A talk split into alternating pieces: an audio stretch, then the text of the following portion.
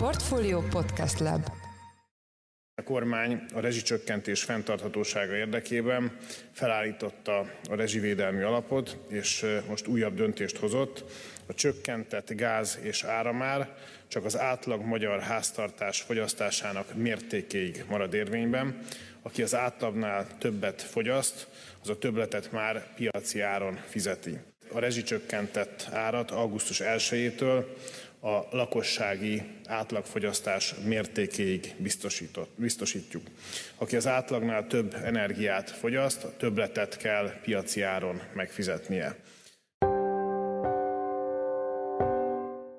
Mindenkit üdvözlünk, ez a Checklist, a Portfólió munkanapokon megjelenő podcastje július 14-én csütörtökön. A mai műsorban a rezsicsökkentés részleges eltörlésével foglalkozunk, ahogy az adás bevezetőjében is hallható volt, Gulyás Gergely miniszterelnökséget vezető miniszter a szerdai kormányinfón bejelentette, az átlag fölötti fogyasztásra mostantól nem él a rezsicsökkentés, így az energiafogyasztás ezen részéért mostantól piaci árat kell fizetni. Idénre nagyjából 500 milliárd forintos lehet lehet az a teher, amelyet a lakosság kénytelen vállalni, következő négy hónap során, augusztustól kezdve a megnövekvő rezsiszámlákon keresztül. Jövőre pedig nagyjából a mostani árfeltételezések mentén, de hát ugye ezek hatalmasat tudnak mozogni néhány nap alatt is, tehát jövőre pedig nagyjából 1100 milliárd forintos lehet az a következő plusz teher, amelyet a lakosságra hárít a kormány ezzel a keretrendszerrel, amelyről ugye hangsúlyozom, hogy most majd csak néhány elemet ismerünk. A témával kapcsolatban Venhárt Attila, a portfólió makroelemzője volt a checklist vendége. Mai műsorunk második részében részében is a rezsicsökkentéssel foglalkozunk. Az adás vendége volt Feldmár Nóra, a Habitat for Humanity szakpolitikai munkatársa, akivel arról a körülményről beszéltünk, mely szerint a távhővel fűtők kimaradnak a rezsicsökkentés felhigításából. Én Forrás Dávid vagyok, a Portfolio podcast szerkesztője, ez pedig a checklist július 14-én. A szerdai kormányinfon bejelentették, hogy átalakul a rezsicsökkentés intézménye Magyarországon. A témával kapcsolatban itt van velünk Weinhardt Attila, a portfólió makroelemzője, aki a szerkesztőségben a legtöbbet foglalkozott a rezsicsökkentéssel, illetve egyéb energetikai, energiapiaci kérdésekkel. Szia Attila, üdvözöllek a checklistben. Szervusz Dávid, és köszöntöm a hallgatókat is. Első kérdésem, hogy hogy alakul át a rezsicsökkentés intézménye Magyarországon? Az eddig tudható információk alapján augusztus 1-től új világ köszön be a magyarországi lakossági rezsicsökkentés korszakában, amely azt jelenti, hogy a miniszter által elmondott havi, illetve éves fogyasztási korlát feletti részt, mind az áram, mind a gáz fogyasztás tekintetében már a mindenkori piaci árfolyam mellett fogja kiszámlázni az egyetemes szolgáltató, amelytől ugye az áramot és a gázt vásároljuk. Ez látszólag úgy nem tűnik olyan drasztikus lépésnek, a gyakorlat az pedig az, hogy ha megnézzük, hogy mennyi a piaci ár jelenleg a gázpiacon, illetve az árampiacon, akkor sajnos az a helyzet, hogy nagyságrendileg 8-10-13 szorosa a rezsicsökkentett árnak, amit a számlában nettó tételként látunk a havi áram- és gázszámlánkon, ahhoz képest ennyire sokkal, sokkal magasabbak a piaci árak. Tehát ez összességében egy brutálisan nagy és egy brutálisan komoly kormányzati bejelentés, amely nagyon jelentős tehernövekedést fog jelenteni a családok jelentős része számára. Természetesen ugye jó hírt is igyekezett kihangsúlyozni Gulyás Gergely miniszterelnökséget vezető miniszter ugye ennek a keserű pirulának az ismertetése mentén, mégpedig azt, hogy a kormányzati számítások szerint ez az egész változás, ez a, a fogyasztóknak a háromnegyedét nem fogja érinteni, tehát úgymond csak a negyede fog e, ezzel a jelentős tehernövekedéssel szembesülni. Nagy kérdés, hogy ezek a számok hogyan jöttek ki, és ugye egyelőre azt sem pontosan tudjuk, hogy itt havi etapokban kell gondolkodni, a havi számláknál kell figyelni azt, hogy a megadott 210 kW per óra áramfogyasztás fölé lóg valaki, illetve a havi szinten 144 köbméter gázfogyasztás fölé lóg, vagy éves szinten kell ezt nézni, és ugye mondjuk tegyük fel január 1-től meg kell nézni, hogy mennyi volt összesít tekintve az adott fogyasztási helynek már a fogyasztása, és akkor ha ezeken az éves korlátokon, amely az áramnál 2523 kWh, a gáznál 1729 köbméter, tehát hogyha ezek fölé lóg, akkor onnantól jön a fekete leves. Ezt egyelőre nem tudjuk, várjuk nyilván a közlönyt és a pontos részletszabályokat. Igen, ahogy te is említetted, még sok a bizonytalanság az intézkedés kapcsán, de tudsz-e a megváltozó rezsis költségekre egy gyakorlati példát mondani, konkrét számokkal röviden? Héten. Igen, egyik kollégánk nyilván anonim módon, de bedobta a közösbe a saját számla képét. Két gyerekes családról van szó, vidéken egy átlagos állagú családi házban élnek, és megnézték gyorsan, hogy az áram és a gázszámlájuknál mi újság van ezeket a havi fogyasztási volumeneket nézték, hogy az egyes hónapokban mikor mennyivel szoktak fölé lógni, és ebből összességében az jött ki, hogy a, a saját fogyasztásuknál, amit nagyjából mondom, egy átlagos négy tagú családról van szó, az áramszámlájuk várhatóan éves szinten nagyjából egy ilyen 90-100 ezer forinttal fog megnövekedni, a gázszámlájuk meg 450 ezerrel nagyjából. Tehát brutális, tehát ez 550 ezer forintnyi tehernövekedés ennél a konkrét családnál.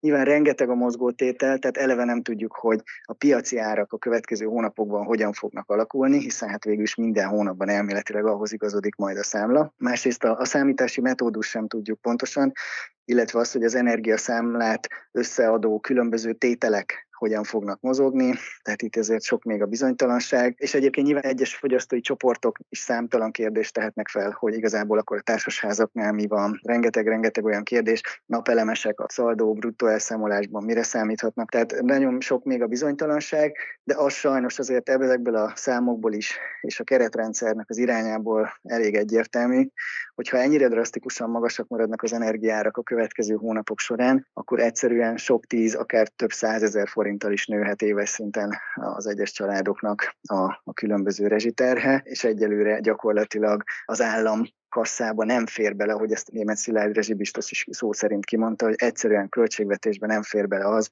hogy ezt a, a keretrendszert, amely gyakorlatilag közel tíz éve létezik, hogy ezt így változatlan formában fenntartsák, és gyakorlatilag a lakosságra hárítanak egy nagyon jelentős terhet, amely azt a célt szolgálja, hogy a fogyasztását a lakosság minél jelentősebb mértékben, aki amennyire csak tudja, fogja vissza. És van valamilyen becslésed, vagy háttérinformációt, hogy körülbelül mekkora lehet ez a teher, amit idén meg jövőre a lakosságra hárítanak át? Van, itt fontos azért hangsúlyozni, hogy ezek mind mozgótételek, de abból kiindulva, hogy mennyi a kormány legfrissebb jelzése arra, hogy idén a rezsivédelmi alapba mennyi pénz szán, ez 600 milliárd forint, illetve hogy mennyit szán jövőre, ez 670 milliárd forint illetve azt is ugye ezt elég világosan kommunikálta a kormány, hogy a költségvetési deficit célokat mindenképpen be akarja tartani, mind idén, mind jövőre, és ennek érdekében elég jelentős kiigazító csomagokat fogadott már el ugye az elmúlt egy hónap során, ugye idénre 2000 milliárd forint körüli kiigazítási hatás, jövőre pedig 2400 milliárd körüli. Tehát ezek azért mind üzenik azt a befektetők felé, hogy a kormány tényleg ebben a rendkívüli helyzetben is próbálja tartani a gyeplőt, és hát a terheket igyekszik megosztani számolni, de hogy ebből a nagyképből azt lehet kikalkulálni,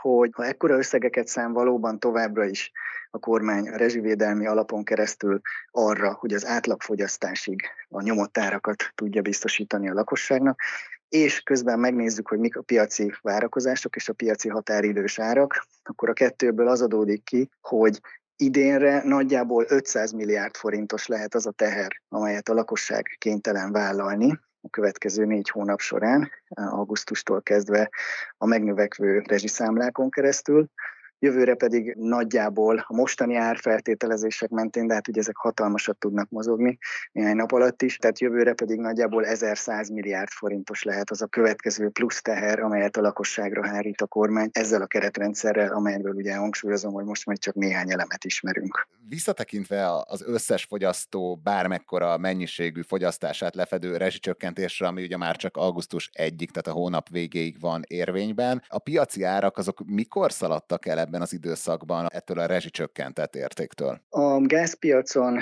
tavaly tavasz környékétől láttuk azt, hogy a rezsicsökkentés keretében elérhető árhoz képest elkezdett elszakadni a piaci árazás. A rezsicsökkentési rendszerben én azzal kalkulálok ezt a számlaképemből és számos fogyasztónak a számlaképéből néztem össze, illetve az MVM-nek az általános szerződési feltételeiből, az árazási táblázatból ugyanezt kaptam, hogy nettó értelemben 80 283 forint az energiadíj a számlán belül a gázpiacon, és a piaci árak azok tavaly már, tavaly tavasszal, nyáron, ahogy a Covid utáni lezárások hatására meglódult a gazdasági aktivitás világszerte Európában is, ugye megugrott a gáz iránti kereslet, és ekkor elkezdtek emelkedni a gázárak, tehát akkor már 100-200 forint fölé emelkedtek a köbméterenkénti árak. Aztán utána az utóbbi hetek, hónapok során, hogy az, az orosz-ukrán háború is eszkalálódott, illetve ennek a gázpiaci oroszlási fegyverét az oroszok egyre határozottabban kezdték használni. Ez 4-500 forintig felemelkedett, és most jelenlegi árak szerint már ilyen 8-900 forint környékén járunk, tehát 10-10 néhány szoros a piaci ár ahhoz képest, mint amit mi a, a havi gázszámlán nettó forintban energiadíjként megfizetünk, tehát ez természetesen egy fenntarthatatlan és egy brutálisan kitáguló különbség, ezért kénytelen volt lépni a kormány, tehát itt ez már egy ideje jól látszott, én erről már gyakorlatilag január óta folyamatosan írogattam. Az árampiacon tavaly nyár környékétől kezdett el elszakadni a rezsicsökkentett nettó energiadíjunk, ez ugye 12,5-13 forint per kilovattóra, szintén ugye a számlaképből és a szabályzatokból összenézve. Itt 50-60-70 forintok voltak már a tavalyi nyári őszi hónapokra, aztán a feszültebb periódusokban ez 100-150 forint fölé ugrott, és most az utóbbi hetekben, ahogy itt az északi áramlat egy körüli szállítási bizonytalanságok nem csak a gázárakat küldték az égbe, hanem az áramárakat is, hiszen ugye úgy függ össze a kettő, hogy az utolsó rugalmas kapacitás, amely az áramhálózatokat képes kiszabályozni, azok jellemzően most a, a gázerőművek. Így tehát gyakorlatilag a gázárak rángatják az áram áramárakat is a tőzsdén, és éppen emiatt a kettő, mind az áram, mind a gáz piaci ára jócskán emelkedett az utóbbi hetek során is. És most például a mai napra érvényes magyar áramtőzsdei ára 170 forint, miközben ugye, ahogy említettem, 12-13 forintot fizetünk meg ebből az áramszámlában, tehát itt 13-szoros a különbség, egészen brutális, és sajnos azért azt nem lehet kizárni, hogy ezek az áramtőzsdei árak még feljebb is mennek. Itt nem biztos, hogy éppen napi értékeket érdemes figyelni, de a tendencia az mindenképpen ijesztő, és összességében ez az, ami így a tehernövekedést sajnos befolyásolja. Nagyon szépen köszönjük az elemzésedet. Az elmúlt percekben Weinhardt Attila, a portfólió makroelemzője volt a checklist vendége. Attila, köszönjük, hogy a rendelkezésünkre álltál. Köszönöm szépen én is lehetőséget. Sziasztok! Gulyás Gergely miniszterelnökséget vezető miniszter a szerdai kormányinfon azt mondta, hogy a rezsicsökkentést felvizező rendelkezések nem vonatkoznak majd azokra, akik távhővel fűtenek. Ez tehát azt jelenti, hogy ők mennyiségi korlátozás nélkül továbbra is a piaci ár töredékért juthatnak energiához. A téma ezen aspektusával kapcsolatban itt van velünk telefonon Feldmár Nóra, a Habitat for Humanity szakpolitikai munkatársa. Szia Nóra, üdvözöllek a műsorban. Hello, szia! Ugye a rezsicsökkentésben energiafogyasztás fogyasztási korlát nélkül benne maradnak a, a távhővel fűtő fogyasztók. Kik fűtenek távhővel Magyarországon? Mi jellemzi ezt a társadalmi csoportot? Csak így az épületek tekintetében ugye talán nem nagyon meglepő, hogy itt leginkább a, a, a panellakásokról beszélünk, kb. 80% a távhő, távhővel fűtőknek azok, azok, a, azok a panellakások. Társadalmilag amennyire KSH adatokból úgy hetere jövedelmi tizedek, ötödökből becsülni, tulajdonképpen inkább azért jobb módúak laknak a panellakásokban, már mintha országos szinten vesszük. Elsősorban egyszerűen azért, mert ugye városi kör környezetben vannak, és anyagilag sokkal rosszabb helyzetben vannak a vidéken kis településen élők. Milyen ezeknek az ingatlanoknak a, a hőszigetelése? Ugye, ha, ha nincsen utólagos szigetelés egy panelházon, akkor azért energetikailag nem nagyon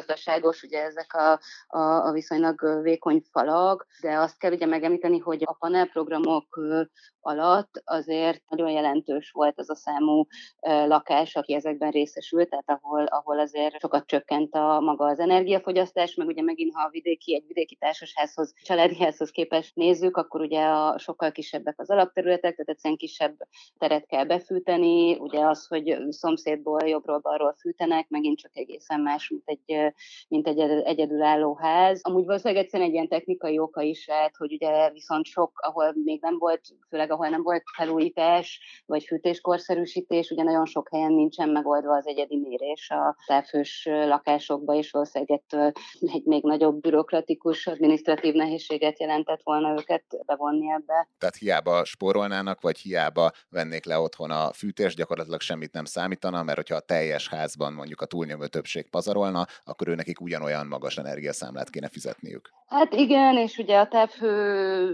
szolgáltatás sokkal kevésbé egységesített, a, a, az alapdíjak is nagyon, nagyon nagy szórás mutatnak, tehát erre talán még nagyobb előkészítés kéne, mint a, mint a többi részére, vagy hát sokkal nagyobb kellett volna, azt gondoljuk a gáz és a villany szempontjából is, hogy ezt a, ezt a rendszert bevezetni, de valószínűleg a távfőnél ez egyszerűen még, még bonyolultabb lenne ezt kiszállazni. Az, hogy a távfős lakások kimaradnak a rezsicsökkentés megváltoztatásából, ez az intézkedés megvédi-e a szociálisan legsérülékenyebb csoportokat az elszálló világpiaci energiaköltségektől? Egyértelműen nem, mert tényleg, mint mondtam, amennyire mi látjuk az adatokat, nagyobb arányban vannak átlagbevétellel rendelkező háztartások a panellakásokban, és ugye sokkal inkább vidéken, kis településeken élnek a legrászorulóbbak. Viszont még nagyon fontos megemlíteni, hogy a legrászorulóbbak tipikusan se gázzal, se távfővel, hanem ugye szilárd tüzelőkkel, leginkább fával fűtenek, és ők azok, akiket egyáltalán nem érintett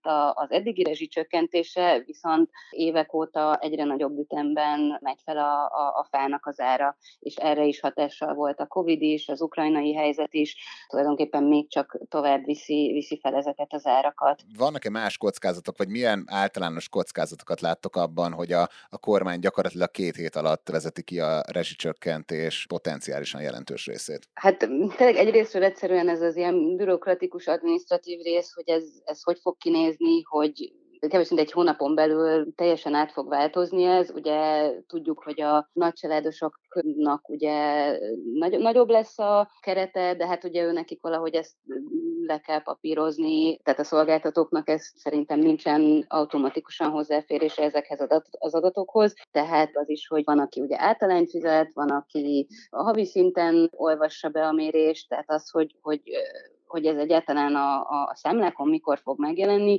ez, ez, ez, ez egészen kérdéses.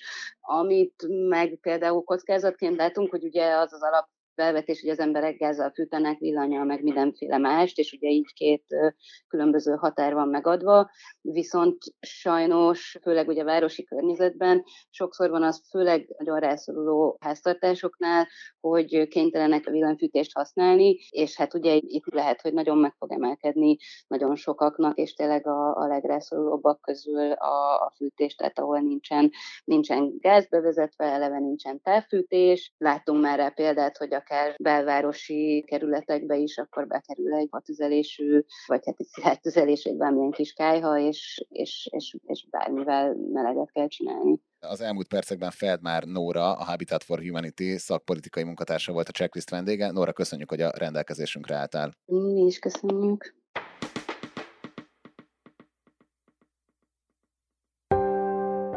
Ez volt már a Checklist, a Portfólió munkanapokon megjelenő podcastje. Ha tetszett az adás, iratkozz fel podcast csatornánkra valamelyik nagy podcast felületen, például a Spotify-on, az Apple Podcast-en vagy a Google Podcast-en. Ha segítenél nekünk abban, hogy minél több hallgatóhoz eljussunk, akkor arra kérünk, hogy értékelj minket azon a platformon, ahol követsz minket. A mai adás elkészítésében részt vett gomkötő Emma, a szerkesztő pedig én, Forrás Dávid voltam. Új műsorral holnap, azaz pénteken 5-kor jelentkezünk, addig is minden jót kívánunk, sziasztok! Música